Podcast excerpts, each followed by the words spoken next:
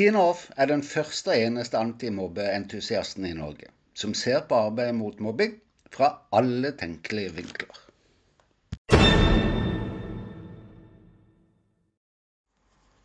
Hva er en aktivitetsplan, og hvorfor bør du, uansett på hvilken måte du involveres i skolemiljøsaker, vite noe om disse planene?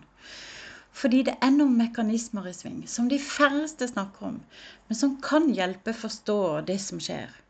Det blir mye på en gang i dag, men la oss starte enkelt. En aktivitetsplan kalles dokumentet, som rett og slett er et vanlig Word-dokument. Det er et skjema. Det samme dokumentet oppdateres etter hvert som tiltak settes inn eller endres eller utgår. Hver plan gjelder én situasjon. Altså det kan være krenkelser eller mobbing, trakassering eller diskriminering. Poenget med planen er å få med alt skolen skal gjøre, og som de gjør. Skolen er selv forfatter av dokumentet, og den som oppdaterer underveis. Når det gjelder innholdet, skal det inneholde som følger. Punkt 1. En beskrivelse av situasjonen, altså hvilket problem planens tiltak skal løse. Da nevner jeg bare kort at mobbing er sosiale problemer som gir større eller mindre helsekonsekvenser for barna. At utfordringene er sosiale, altså gjelder flere enn bare ett barn, burde tilsi at det konkrete skolemiljøet i klassen eller på trinnet gis en egen aktivitetsplan. Også en aktivitetsplan for saksbehandlingen for enkelteleven som ikke har det trygt og godt på skolen. Det vanligste er dessverre bare det siste. Punkt to. Planen skal informere om hvilke undersøkelser skolen gjør. Her inngår observasjoner i klasserommet, i ganger, i friminutter, hvordan barn omgås hverandre, samtaler med elever osv. osv. Informasjonen samles og diskuteres i skolen, for så å finne ut hvilke tiltak skolen kan sette inn som gjenoppretter barnets trygge og gode skolehverdag.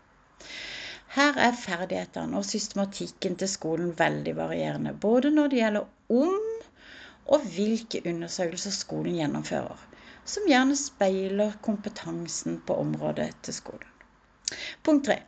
I tillegg til å si noe om hvilke tiltak skolen har planlagt, skal planen også si noe om når de skal gjennomføres, hvem som har ansvaret, og når de skal vurderes. Da er det kanskje kjekt å vite hva et tiltak er. Vel, det er ikke noe enkelt. Det kan nesten være hva som helst, så lenge skolen finner det egnet for den konkrete situasjonen og lovlig. I og med at Utdanningsdirektoratet på sine nettsider udir.no fremmer noen eksempler, foreslår eller jeg et tips for systematisering av tiltak til rektorer og skoleeiere i stedet. I praksis så kan det jo gå lang tid mellom hver gang en lærer har store skolemiljøutfordringer i sitt klasserom, noe som kan sette en lærers verktøykasse over tiltak på prøve. Det er læreren som er nærmest eleven, som kjenner klassemiljøet best. Derfor er det også læreren som bør velge tiltak som skal gjenopprette trygge og gode skolemiljø, både i klasse- eller trinnmiljø, men også i enkeltsaker. I tillegg er det jo læreren som ofte skal implementere tiltakene, så de trenger all hjelp og støtte de kan få. Tipset mitt da er å lage en tiltaksbank i skolen eller i kommunen som læreren kan benytte seg av i konkrete situasjoner. Når så da tiltak skal evalueres, er det viktig å huske på at det er ikke evalueringen av tiltaket som er det viktigste, men effekten tiltaket har på barnet eller barna. Det er kun tiltak i skolehverdagen som skal inn i aktivitetsplanen. Ikke i fritiden eller for hjemmet. For der bestemmer foreldrene. Men foreldres valg for barn i fritiden kan ha stor betydning for skolehverdagen. Akkurat som skolens tiltak kan få stor virkning for barnas fritid, for digital mobbing osv. osv.